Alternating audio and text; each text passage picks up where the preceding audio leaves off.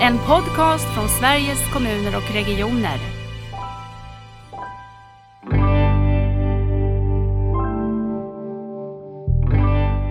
Om man vänder på det, vilken effekt man faktiskt kan ha av att jobba förebyggande. För förebyggande för mig handlar inte bara om att jobba med levnadsvanor eller ja, den biten.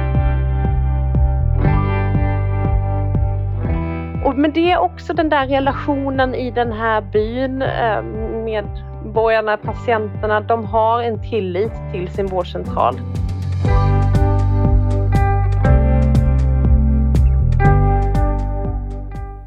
Nära vårdpodden har i flera avsnitt tagit upp frågor om hur vi i hälso och sjukvården och omsorgen kan veta att vi skapar värde för invånarna och att vi erbjuder hög kvalitet. Inom primärvården har det byggts upp ett kvalitetsverktyg som heter primärvårdskvalitet och som kan användas som stöd i kvalitets och förbättringsarbetet. Och idag ska vi få veta hur det fungerar i verksamheten. Så välkomna hit Elisabeth Lunderby som är verksamhetschef på Öresundsbrons vårdcentral och Susanne Sten som är projektledare för primärvårdskvalitet. Välkomna! Tack. Tack. Elisabeth, börja berätta för oss vem du är. Ja, Elisabeth heter jag, är verksamhetschef här på Örsundsbro vårdcentral sedan två år tillbaka. Eh, I botten är jag distriktssköterska eh, och har jobbat inom primärvården som både sjuksköterska men som tillförordnad gruppchef och nu mera som verksamhetschef. Mm. Vad gör du lite mer än när du jobbar som chef? Vad, vad är dina intressen? Som chef eller som privat? Nej, jag tänkte som privat. Vem är Elisabeth när hon inte är på jobbet? När jag inte är på jobbet så gillar jag att vara med min familj. Jag är väldigt aktiv och gillar skog och mark oavsett säsong så att säga. Blir det skidor på vintern eller så blir det vandring på höst och vår.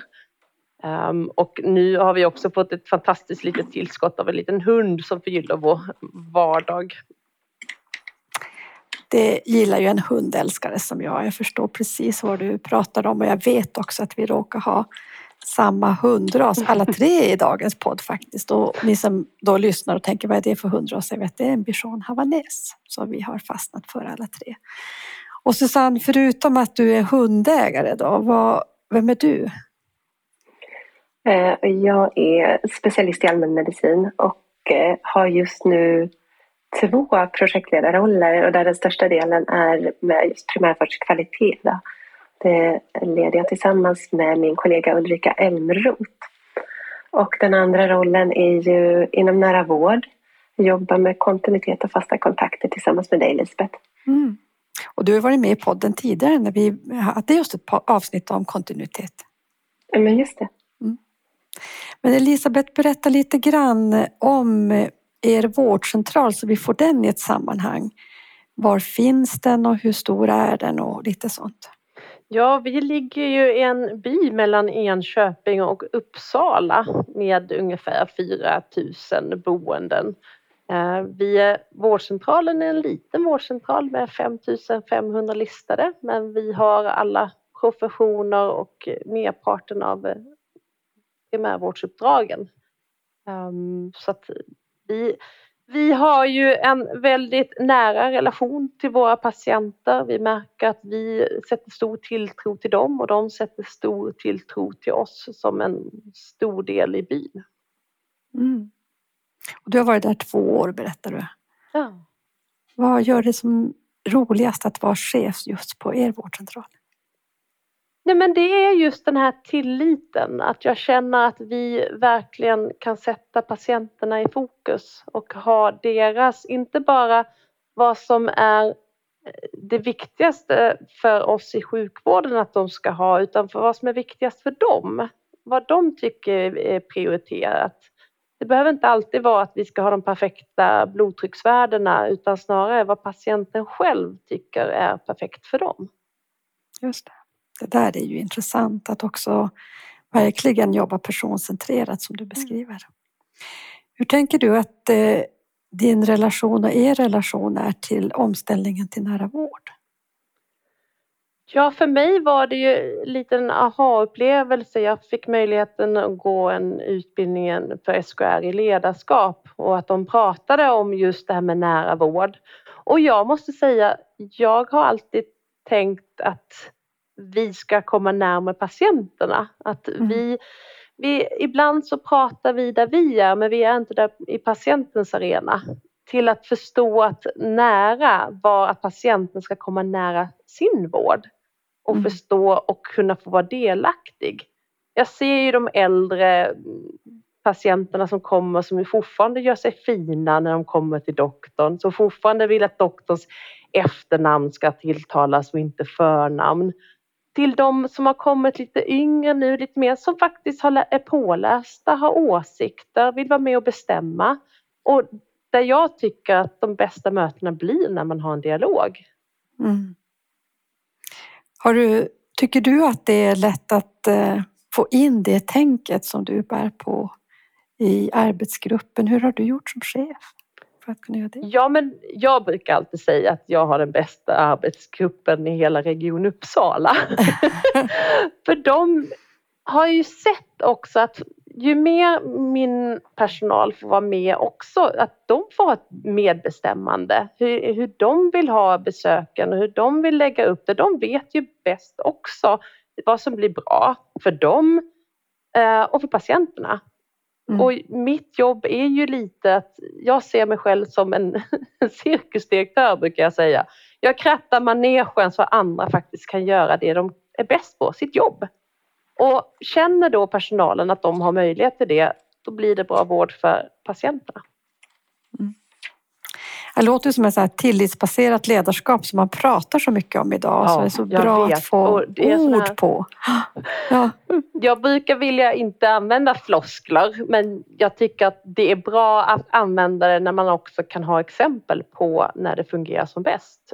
Mm. Um, och det är jag är fullt medveten om att en tillitsbaserat är ju också det att jag litar på att de gör sitt, men jag finns där som stöd när de behöver.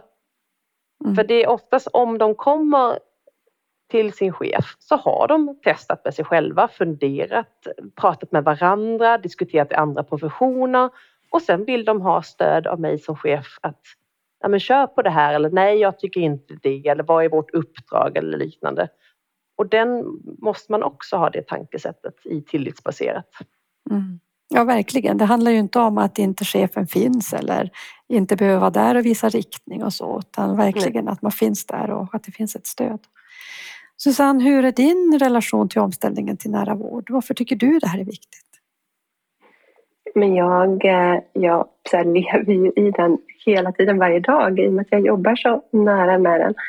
Eh, och jag ser, det är ju en nödvändig omställning och eh, lika mycket som jag tycker att det är en, just det som du lyfter Elisabeth, en patientreform, mm. eh, så ser jag också det som en arbetsmiljöform. Eh, att man kommer lite tillbaka till liksom allmänmedicinska kärnvärden, att få jobba med kontinuitet, att få jobba med relationer, eh, få jobba med det förebyggande, eh, men också att en nödvändighet i att sjukvården blir närmare varandra, att avståndet mellan primärvård och eh, den vård som bedrivs på sjukhus blir också mindre. Att vi jobbar mer med eh, närmare varandra där också så att vi inte sätter patienten i den där liksom stolen mittemellan där ingen tar ansvar. Eh, och likväl den kommunala primärvården eller kommunala hälso och sjukvården samma sak där, att vi måste ju komma närmare. Så jag, det är ju, jag tror att det både blir en, en bättre för patienterna och en roligare arbetsmiljö. Mm. Eh. Vi, ska inte, eh, vi kommer inte ägna podden åt det ST-program som du är med och leder men vi kan väl ändå nämna det för jag tänker att det är också ett sätt att göra det här som du pratar om medarbetarengagemanget och allmänläkarens roll i den nära vården så kan vi bara säga några korta ord om det så får man bli lite nyfiken som lyssnar. ja, men jättegärna och där har ju eh, jag också lånat in Elisabeth just som en klok röst och eh, föredöme. Eh, men det är ju ST-läkare i allmänmedicin från hela Sverige och Eh, det är 17 stycken som gör nu jättespännande förbättringsarbeten. Eh, och då gör de det inom nära vård med fokus på kontinuitet, fokus på delaktighet, fokus på överenskommelse inom vården, att man har en plan. Eh, och då har de valt ut olika bitar att jobba med och det vi gör är ju att försöka stödja dem i det här Ehm, och komma in i förbättringsarbetet, tänket och se vad, hur man kan kartlägga eh, sitt område, vad man behöver tänka på då, vilka mål och mått man ska ha för att följa upp och hur man kan avgränsa men ändå tänka nytt. Då. Eh, jättemånga kloka personer, superdrivna så att jag, jag går lika glad utifrån de mötena varje gång. Det är en jättehärlig grupp att ha att göra med. Det är så ja. roligt att vi kan göra det här också i, i, i vårt arbete med nära vård. Och vad kul Elisabeth att du också finns med i programmet. Jag har bara varit vid uppstarten så det visste jag inte men det känns ju nej, extra men, spännande. Nej, men jag tänker också, det var en otroligt, när jag var där sist och, och pratade just om mitt förbättringsarbete på Örsundsbro vårdcentral så slås man också av den här glädjen att se framtidens allmänläkare det är de som är i det rummet och de kommer vara mina framtida kollegor och kommer ha med sig det här positiva tänket att, som jag tycker att primärvården ska genomsyras av. Och jag tror också det här med arbetsmiljö är ju att mm, våra medarbetare vet att vi ska prioritera dem med störst medicinskt behov. Men mm. vi ska också använda våra resurser till det här förebyggande så att de här stora behoven minskar vi måste göra både och. Eh, och det är det som är allmänläkeri, alltså det är det som man dras till varför man vill jobba inom primärvården. Vi vill inte bara släcka bränder. Vi vill göra det här som sen kommer gagna oss om 20 år också. Mm.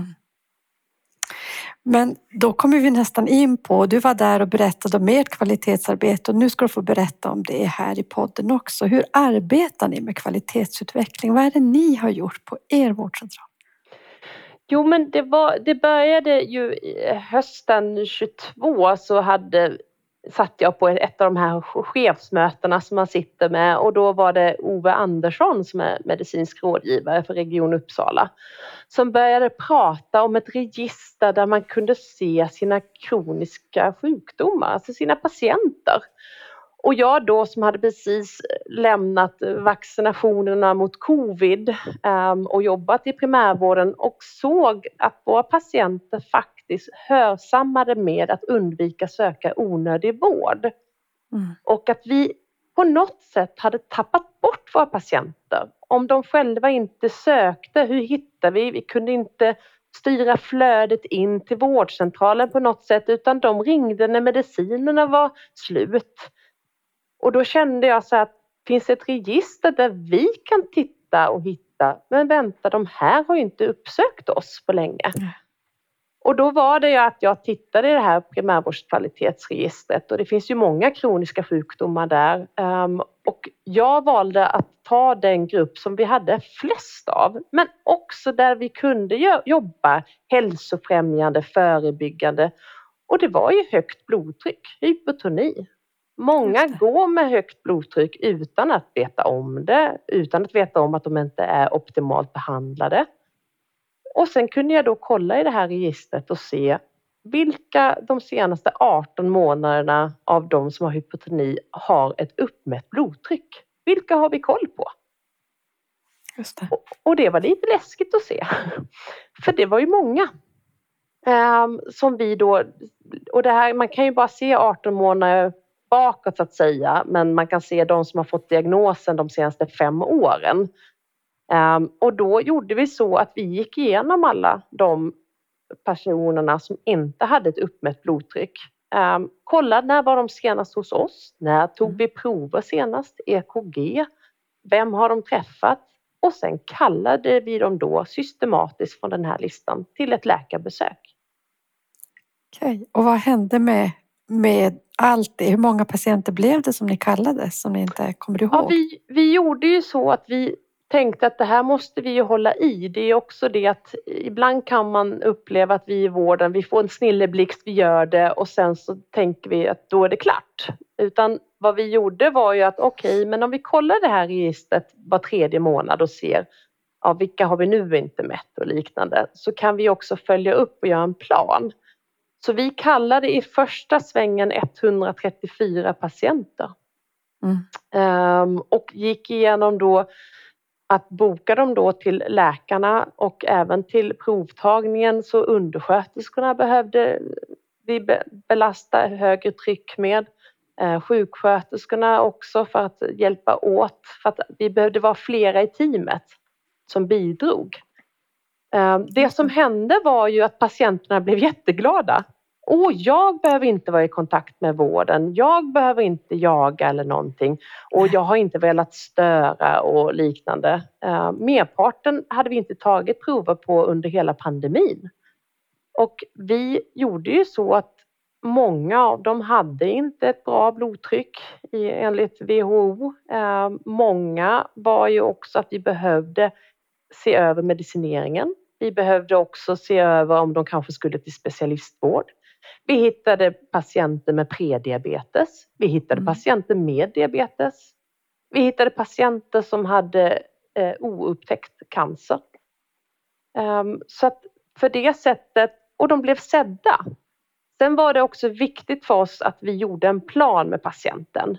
Att okej, okay, nu har vi träffat dig den här gången. Vi har tagit de här blodproverna.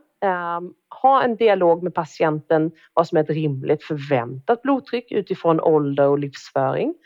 Men mm. också vad som är förväntad plan. Hur följer vi upp det här? Just det. Och jag många... tänker det är ju lite av ett patientkontrakt, tänker jag, som vi tänker ett patientkontrakt. Ja, ja. Um, och vi har valt att bara sätta det under sökordet planering. ja. Men det blir det, men också det här att många av patienterna som har hypotoni har faktiskt en blodtrycksmätare hemma. Vi vet yes. att de tar ett bättre blodtryck hemma i lugn och ro. Um, som läkarna kunde ju då i vissa fall som bestämma att jag vill att du ringer in till vårdcentralen om sex månader, tolv månader och meddelar ditt blodtryck. Då kan ja. jag förnya dina mediciner. Och sen tar vi ett läkarbesök om du behöver eller nästa gång eller liknande. Det blir egentligen en typ av egenmonitorering. Ja, det blir allt i ett. Allt i ett. Patientkontrakt och egenmonitorering. Och... Men jag blir nyfiken när man nu kallar de här 100, drygt 130 personerna. Eh, hur många av dem kommer? Många hörsammade att ni hörde av er? Ja, men där någon... hade jag ju erfarenheten av vaccinationerna som vi hade i covid, eh, där Region Uppsala valde att kalla alla till sin spruta, eh, vilket gjorde att vi fick en snabb och smidig täckning väldigt fort när vaccinet kom. Vi hade sex stycken som uteblev. I, Oj, det var inte mycket. Och, men det är också den där relationen i den här byn, eh, medborgarna, patienterna, de har en tillit till sin vårdcentral.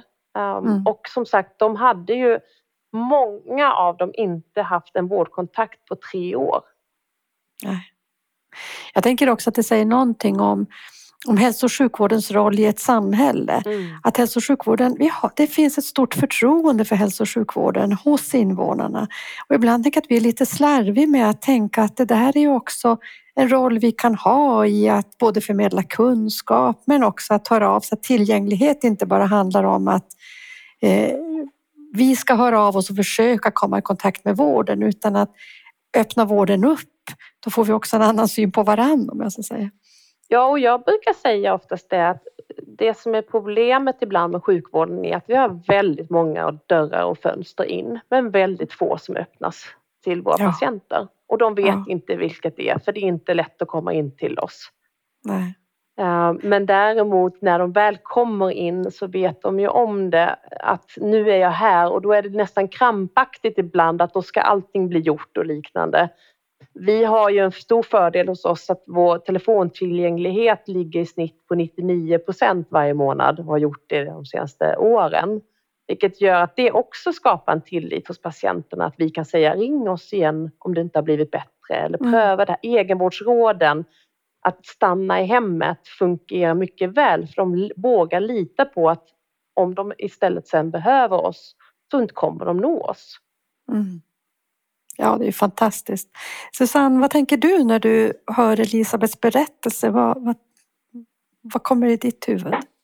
Du har ju hört den förr. Jag tänker, eh, apropå det här med att släcka bränder, vi vet ju vi vet ju hur pressad primärvården är, eller egentligen hela hälso och sjukvårdssystemet är väldigt pressat idag. Och att det blir mycket fokus just då på att släcka bränder. Men vi, om man vänder på det, vilken effekt man faktiskt kan ha av att jobba förebyggande. För förebyggande för mig handlar inte bara om att jobba med levnadsvanor eller ja, den biten, utan förebyggande handlar ju om just det som ni har gjort Elisabeth, att titta, använda data och titta på helheten.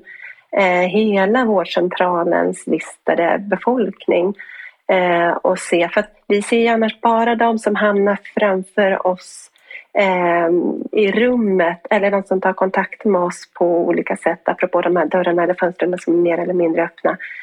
Eh, primärvårdskvalitet eller att jobba så systematiskt förebyggande handlar ju också om att se de som inte kommer till. Det som, då, som kanske inte har vågat störa eh, under pandemin. Eh, jag har också träffat på dem där eh, och eh, det tror jag är jätteviktigt att se potentialen med det förebyggande arbetet på det sättet. Att använda data och de systemen som vi faktiskt har till det. Mm. Jag tänker också på att vi har ju valt att prata mycket om proaktivitet eh, just när vi pratar om nära vård för att fånga det du säger Susanne så vi inte bara eller enbart hamnar i, bara ska jag inte säga för det är så otroligt viktigt med livsstil. Vi ja, kan göra så absolut. mycket för att ändra insjuknandet och, var och en få en bättre livskvalitet och hälsa. Men just det här proaktiva, för jag tror att vi är så tränade i reaktiva. Vi agerar när personer hör av sig. Men det missar vi också personer som kanske har de riktigt stora behoven som mm. inte får ja, Vi vet ju inte vilka som finns där som inte har sökt vård. Det är ju det som är vårt ständiga dilemma. Eh, men att faktiskt våga ta sig den tiden till att, för det, det, det, är ju så, det tar ju tid i en pressad vardag. Så det, det, krävs ju en eh, ledare som faktiskt tar det mandatet att säga att vi ska jobba Eh, förebyggande på det sättet som du har gjort Elisabeth. Det tycker jag är jätteviktigt att poängtera. Det är inte en självklarhet. Um, så det, det, men jag, jag hoppas ehm, också med den här podden, ehm, men det vi gör med primärvårdskvalitet handlar ju jättemycket också om att stödja användning till eh, primärvårdskvalitet. Ehm, och det tror jag är jätteviktigt och det har man ju uppmärksammat tänker jag, i Region Uppsala just med att man får ut det här och, och visar på vikten och Ove Andersson är ute och pratar om det. Sådär. Men sen tänker jag också det som är väldigt viktigt det är ju när, när någonting är mätbart. Att man kan se ett före, under tiden och efter och att det viktigaste är ju, ja patienterna får ju en god vård en nära vård. Så. Men det är också jätteviktigt för arbetsmiljön. Att mm. jag kan visa för mina, min personal, så här många har, har, har vi sett. Vi hade en, det här var, var tredje månad när vi kollar Eh, vilka som är dags att söka och liknande. Att jag kunde säga till min personal på ett arbetsplatsträffs, vet ni vad? Alla blodtryck är mätta. Vi har koll på våra hypertoniker. Och den känslan att få faktiskt i det som du säger Susanne, i ett pressat läge, de gör sitt yttersta varje dag och man känner aldrig att man kommer upp med näsan ovanför vattenytan. Att få den bekräftelsen, men idag har vi koll. Ja, och det är så lite vi behöver ha ibland, men vi behöver få känna ibland att idag var en bra dag. Mm. Sen går det en vecka och vi kollar systemet igen och det kommer nya, men den dagen. ja, men jag håller med.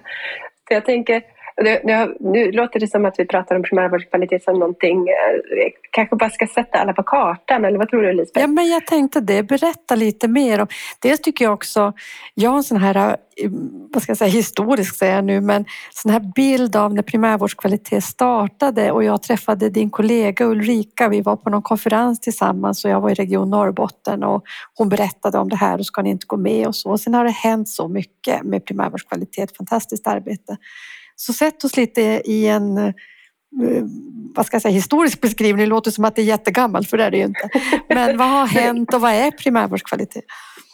Ja, och det, om, man, om man tänker i kvalitetssystem eh, liksom, eh, så är det väl ganska ungt. 2015 så har det funnits i nuvarande form. Sen så har det ju då funnits i eh, olika lokala, regionala eh, former tidigare som man då eh, 2015 gjorde till ett eh, nationellt projekt eh, som då under namnet primärvårdskvalitet. Och det är ju drivet av professionerna, de som finns i primärvården och är ju en nationell arbetsgrupp med professionsrepresentanter utvalda av professionsföreningarna. Så alltså det är en väldigt eh, liksom, nära förankring, vilket jag tror är en av framgångsfaktorerna. Man känner att det här är primärvårdens kvalitetssystem av och för primärvården ehm, och inte något liksom, som kommer uppifrån eller från sidan utan det här är någonting som är byggt underifrån verkligen av de som jobbar i primärvården.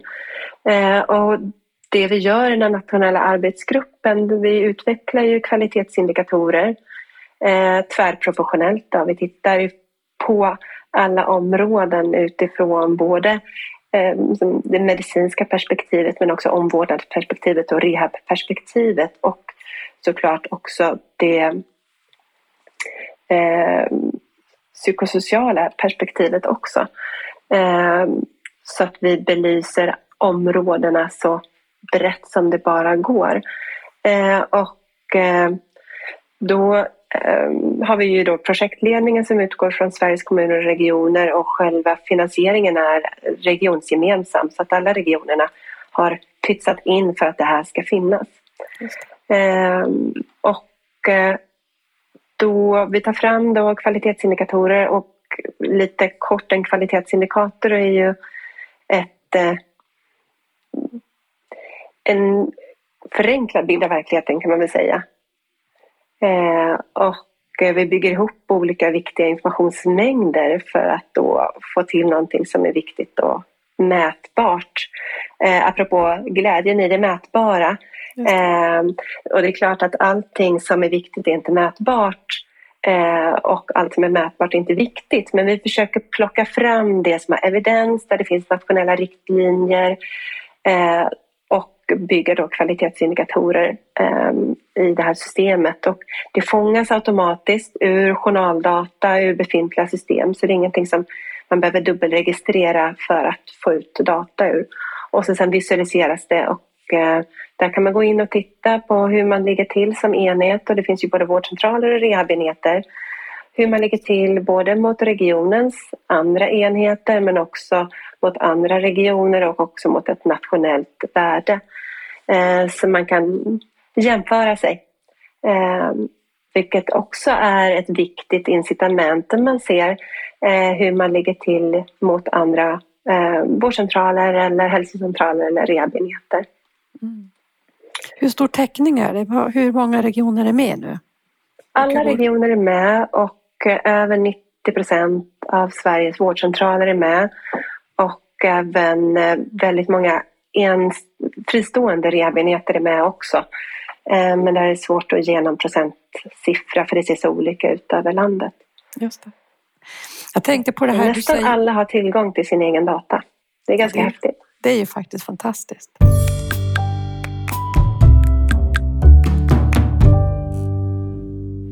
Jag tänkte också på det du säger, om vi nu ska ta det historiska, korta historiska perspektivet men att det är byggt av professioner och underifrån. Jag tänkte det vi var inne på Elisabeth kring tillit, om vi nu vill använda det begreppet i ledarskap, så tror jag att det finns ju någonting också i uppföljningen.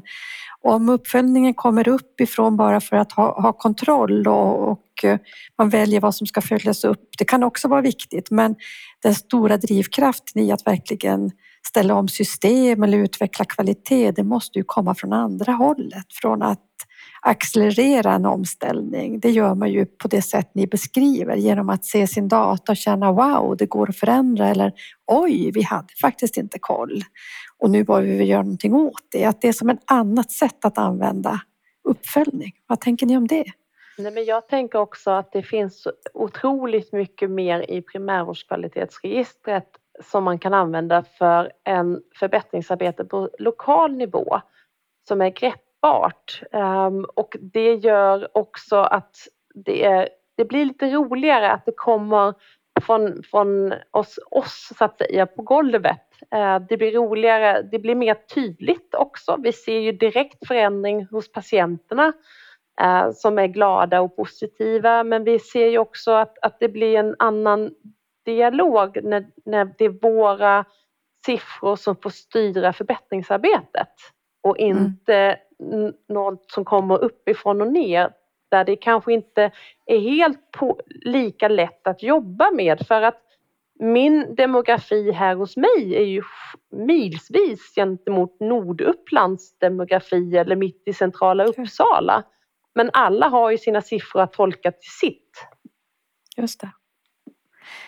Hur tänker du Susanne när du ser på användningen? Hur, eh, vet du hur, hur mycket vet ni om hur det används? Och precis det Elisabeth säger att olika delar av eh, Sverige, olika delar av ett län eller olika vårdcentraler kan ha olika behov vad man behöver använda registret till. Ja, men vi, eh, det finns nyligen publicerad artikel faktiskt som har tittat på användningen. I det här fallet var det i eh, Västra Götalandsregionen.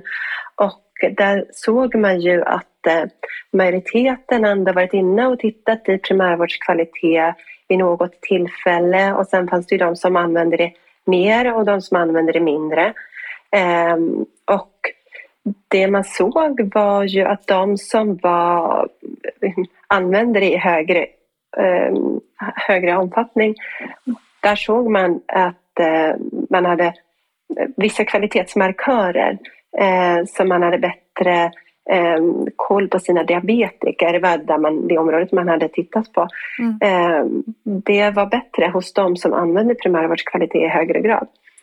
Så det är ju en kvalitetsmarkör, vågar jag ändå säga, eh, med den studien i ryggen, att använda sig av primärvårdskvalitet.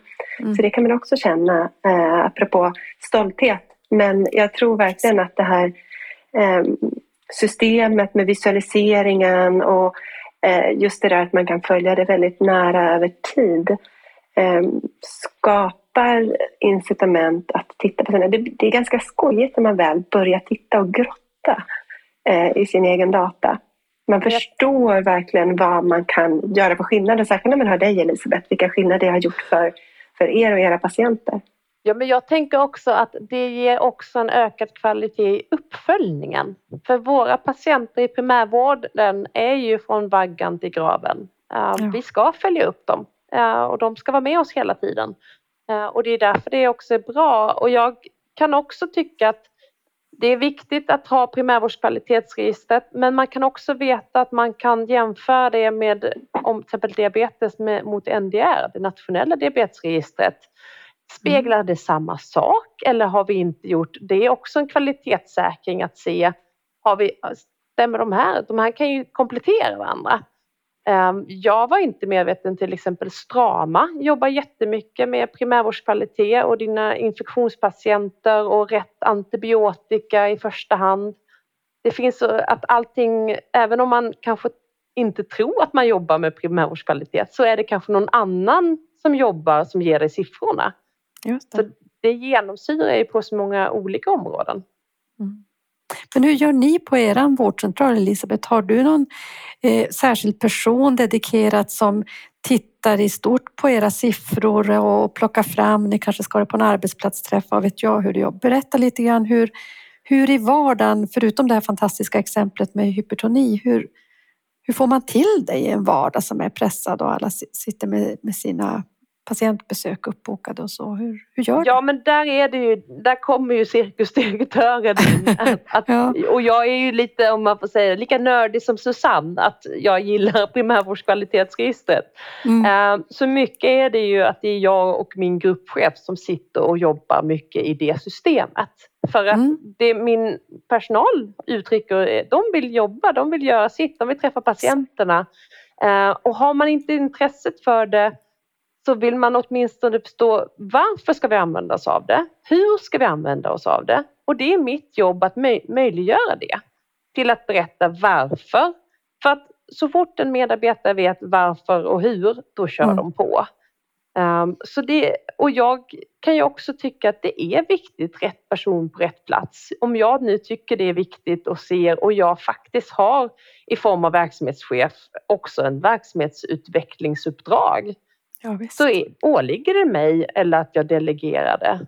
Um, sen har jag ju självklart min, mitt strama ombud är ju superduktig på att tjata om vilka antibiotika och liknande men vill gärna ha siffrorna levererade från PVQ och självklart, då kan jag ju bidra med det. Mm. Men jag tar ni upp också... det sen? På, var tar du upp det? Hur berättar du för med, alltså vad gör du av det? Ni ser du och din gruppchef och hon stramaombudet?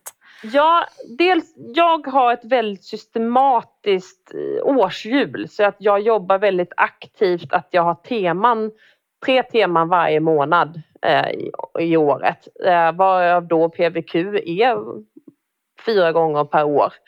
Eh, och då presenteras det på arbetsplatsträffar. Vi har också en timme i veckan, alla professioner, en utvecklingstid där jag då kan samla alla och presentera det som är just där och då. Eh, annars kan det också vara på professionstimmar. Eh, vi har ju också utvecklat det här konceptet liknande eftersom vi står inför det faktum som många andra, eh, läkarbrist.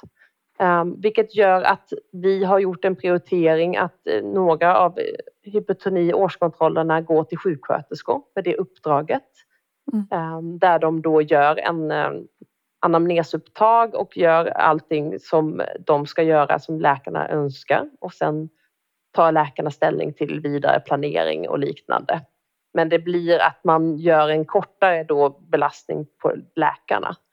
Eh, det som har varit mest som jag kan tycka med hela det här som jag började med det här för att jag ville ha en god kvalitet, jag vill kunna ha det mätbart, det skulle vara systematiskt. Och sen har vi fått så många, jag vill inte säga biverkningar, för biverkningar låter så negativt, men ringar på vattnet. Ja. Jag har fått en, liksom en, en arbetsglädje i personalen att se och göra och APT, de, alla vet nu vad mina medarbetare vad PVQ står för. Ehm, det hade de inte vetat för ett år sedan.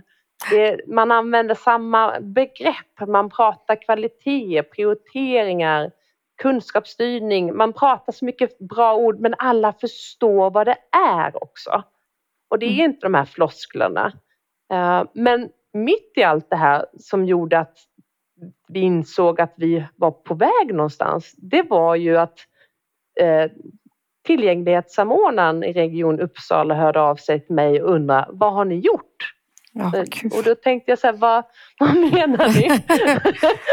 Den frågan vet man aldrig vad man ska svara på. Men vi har under det här året som vi har haft att vi har aktivt systematiskt jobbat med primärvårdskvalitet minskat våra samtal in i rådgivningstelefon med över 900 samtal.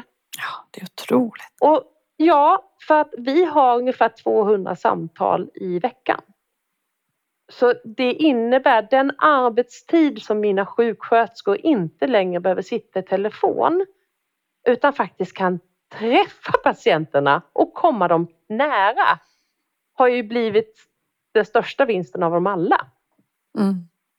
Och det här beror då på att patienten istället har fått Eh, ni har hört av er och ni tar hand om patienter på rätt sätt och proaktivt. Eller vad tänker du? Är, Dels varför det. blev det så? Jag tänker dels att vi gör det proaktivt men också att när vi väl är här så gör vi en plan framåt. Ja, just det. Och att vi har oftast tagit EKG och alla blodprover som läkarna har bestämt inför besöket. Mm. Så läkarna blir klara under besöket med patienten och kan göra planen där och då. Ibland kan det ju vara att de beställer prover och så ska de höra av sig igen till patienten, återkoppla och fram och tillbaka och testa medicin eller liknande. Men här, merparten blir klara. Det där tycker jag är jätteintressant. Jag tänker dels det proaktiva, att också bädda för att kunna bli klar. Mm. Men sen tänker jag också någonting som jag tycker är intressant, att koppla eh, relationskontinuiteten och informationskontinuitet ihop. Jag vet att det finns eh, någon kollega till dig Susanne som tittar på olika typer av kontinuitet inom forskning. Jag tänker just att man får sin plan också. Man har sin relationella kontinuitet. Man får sin plan vad som ska hända framåt. Annars är vi ju så, vi tittar ju också, det vi kan få det är ju journalen på något sätt, det är ju bakåt. Men mm. framåt och känna mm. trygghet. Ja men verkligen. Ja, men det, det är som sagt jätteroligt att höra om det arbetet som ni, ni har gjort Elisabeth. Och jag vet ju att det är många där ute som jobbar med, på liknande sätt. Och det, är, ja, det är jättespännande att få höra alla de här berättelserna tycker jag. Ehm, för att det betyder så mycket för som sagt, både arbetsmiljön och för patienterna att få jobba på det här sättet. Men om du skulle ta det där lite mer övergripande berättelsen om hur använder man primärvårdskvalitet eh, i en vardag. Vad skulle du, hur skulle du beskriva då Susanne om du ska komplettera Elisabeths berättelse? Vad får du för höra för någonting? ja, men det är väldigt mycket det som Elisabeth beskriver, att hitta det som många använder det, de flesta använder det till är ju att hitta patienter som fallit mellan stolarna eh, som en del i det kvalitetsarbete som, man, som, man, som åligger ju en verksamhet eh, att man ska göra. Eh, och där är ju våra indikatorer, man kan titta de som bör erbjudas ett återbesök eller som bör erbjudas en, någon form av åtgärd eller där man kanske inte tagit de prover som man bör göra enligt eh, nationella riktlinjer eller inte erbjudit de läkemedel som man bör ha enligt eh, eh, nationella eh, riktlinjer. Sen så är det ju så att alla ska inte ha alla läkemedel men man bör ju i alla fall haft den diskussionen med patienten och tagit ett ställningstagande. Och det, det är det jag tänker Elisabeth har gjort när du, du hittade de här patienterna som inte hade haft ett mätbart blodtryck inom 18 månader så eh, där finns det ju säkert, när man tittar på sina data så kan det vara så att en del saker har inte fångats upp men finns i journalen. Eh, men eh, det där att jobba strukturerat och just att hitta patienter som fallit mellan stolarna som bör erbjudas någonting, det tror jag är den vanligaste åtgärden och det kan både vara verksamhetschefer, medicinskt ledningsansvariga, strama eh, ansvariga Eh, och också eh, diabetessjuksköterskan tror jag är bland de vanligaste användarna faktiskt eh, för primärvårdskvalitet. Eh, för att titta på hur diabetespatienterna, hur de får sin behandling och eh, vilka som kanske står i tur att bli kallade och sådär. Ehm, du pratade en del Elisabeth om prioritering för vi har ju en del indikatorer som går liksom på tvärsen och bredden och sådär. Eh, och inte bara diagnosspecifika. Men eh, en del av våra indikatorer handlar just om prioritering och har man kallat dem som man tänker bör, kallat erbjudit, de som bör ha erbjudits ett återbesök, eh, har de fått komma till vårdcentralen eh, eller hälsocentralen, rehabenheten. Eh, så att man tittar just där liksom på hela populationen som man, som man är ansvarig för. Eh, strama det lyfter du Elisabeth, mm. det tror jag nog. Det och eh, diabetessjuksköterskan är nog ändå våra vanligaste användningsområden. Att titta på hur man förskriver antibiotika, hur man behandlar. Eh, och där har man ju lyckats fantastiskt eh, med, med just det, den organisation som, som finns idag i Sverige med strama representanter och eh, både då med Egentligen brukar det nästan finnas en på varje vårdcentral, hälsocentral och så sen så finns det ett regionalt nätverk som stödjer dem och sen finns det ett nationellt nätverk. Så att där är ju väldigt fin organisation som stödjer det eh, arbetet. Mm. Om man sitter och lyssnar på podden nu eh, och finns i en regionledning till exempel. Hur kan regionledningar, för det här är ju framför allt för att utveckla sin verksamhet. Men jag tror att det finns ett stort behov, du var inne på det Elisabeth, det här glädjen i att känna att man lyckas. Och den glädjen behöver ju också finnas i en hel region. Vi hör ju väldigt mycket så här, händer det någonting i nära vård? Och så vet man hur det bara bubblar av, av väldigt bra saker. Eh, kan en regionledning på något sätt eh, se på data? Eller hur gör man som regionledning för att få kraften i det som nu sker med primärvårdskvalitet som verktyg?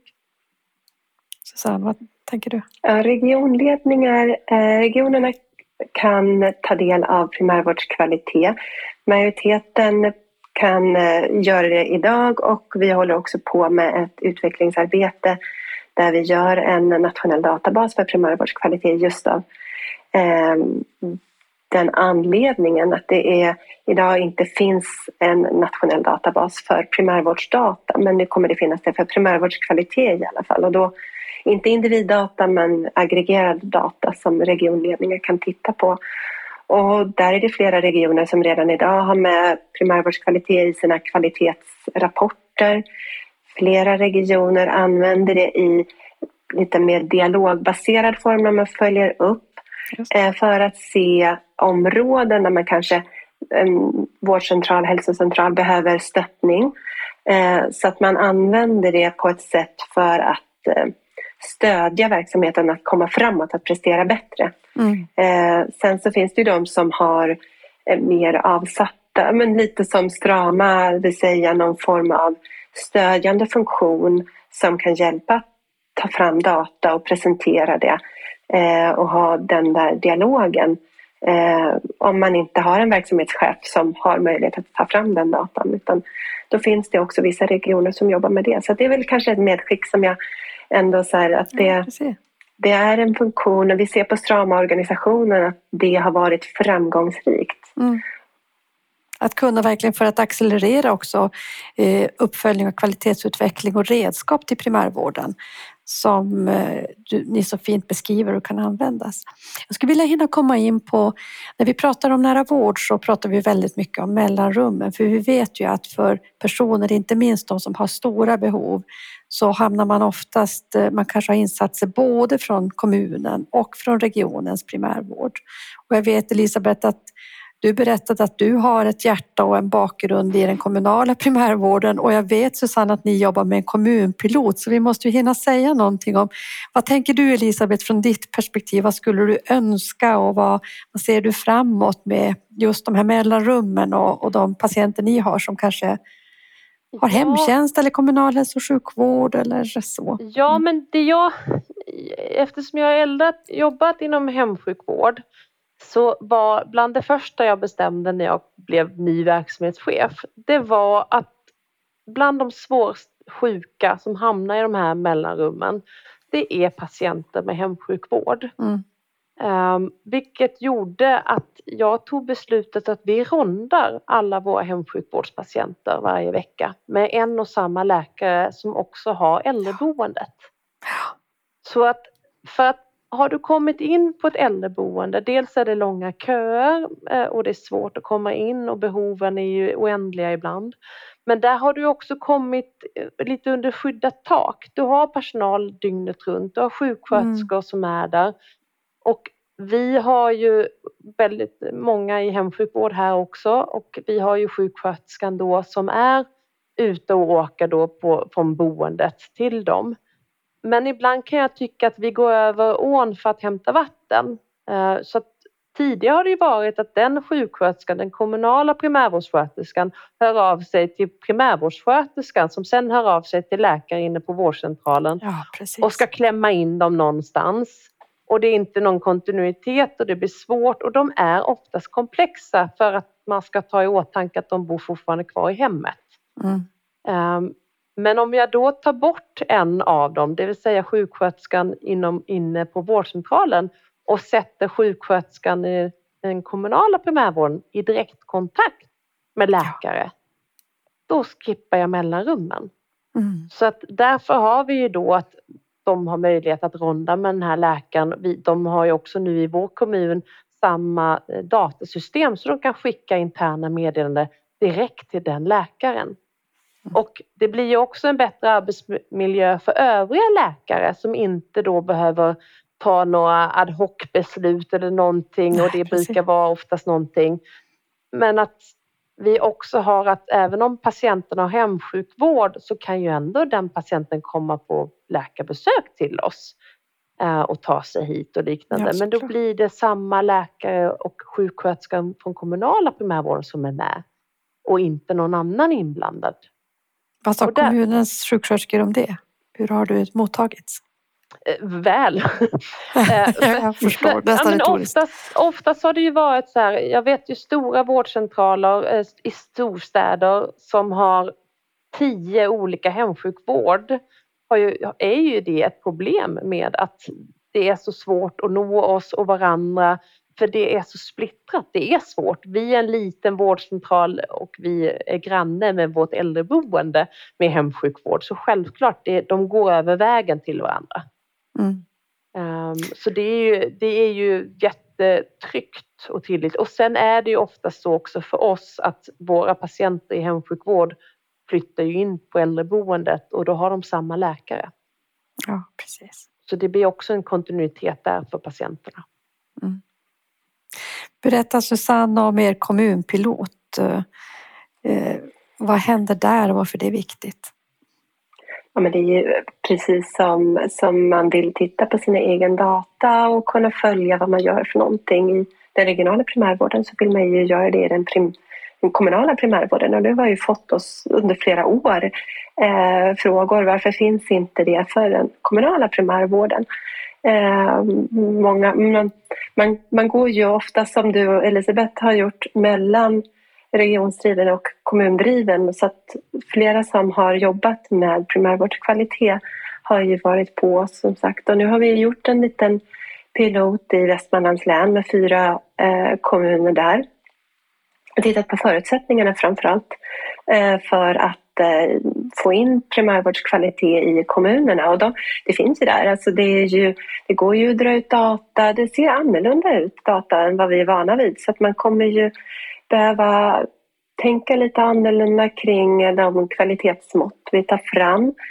Eh, det finns, det är ju en, ännu mer splittrad i och med att vi har 290 kommuner idag. Och Eh, både privatdriven och eh, då kommundriven eh, primärvård så är det klart att det är en ännu större utmaning. Men jag är helt övertygad om att vi kommer komma dit där vi har primärvårdskvalitet för kommunerna. Men det är en bit kvar.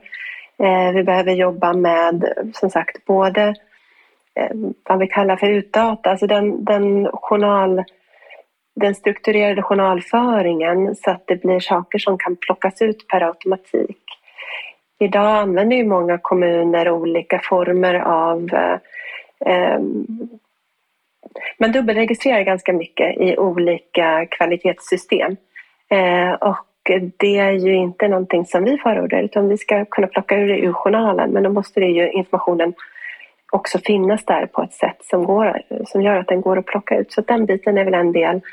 Eh, och sen så ska vi bygga ut eh, liksom ett utdatasystem också för kommunerna såklart. Och utveckla indikatorer som blir relevanta ur den kommunala aspekten. Så att många bitar kvar men eh, jag ser hoppfullt på den utvecklingen och jag ser också att den är väldigt efterfrågad för man vill kunna titta på sina data och kunna agera på dem så att man inte får ett årsbokslut ett år se- senare så att det blir det där reaktiva utan vi vill kunna jobba proaktivt.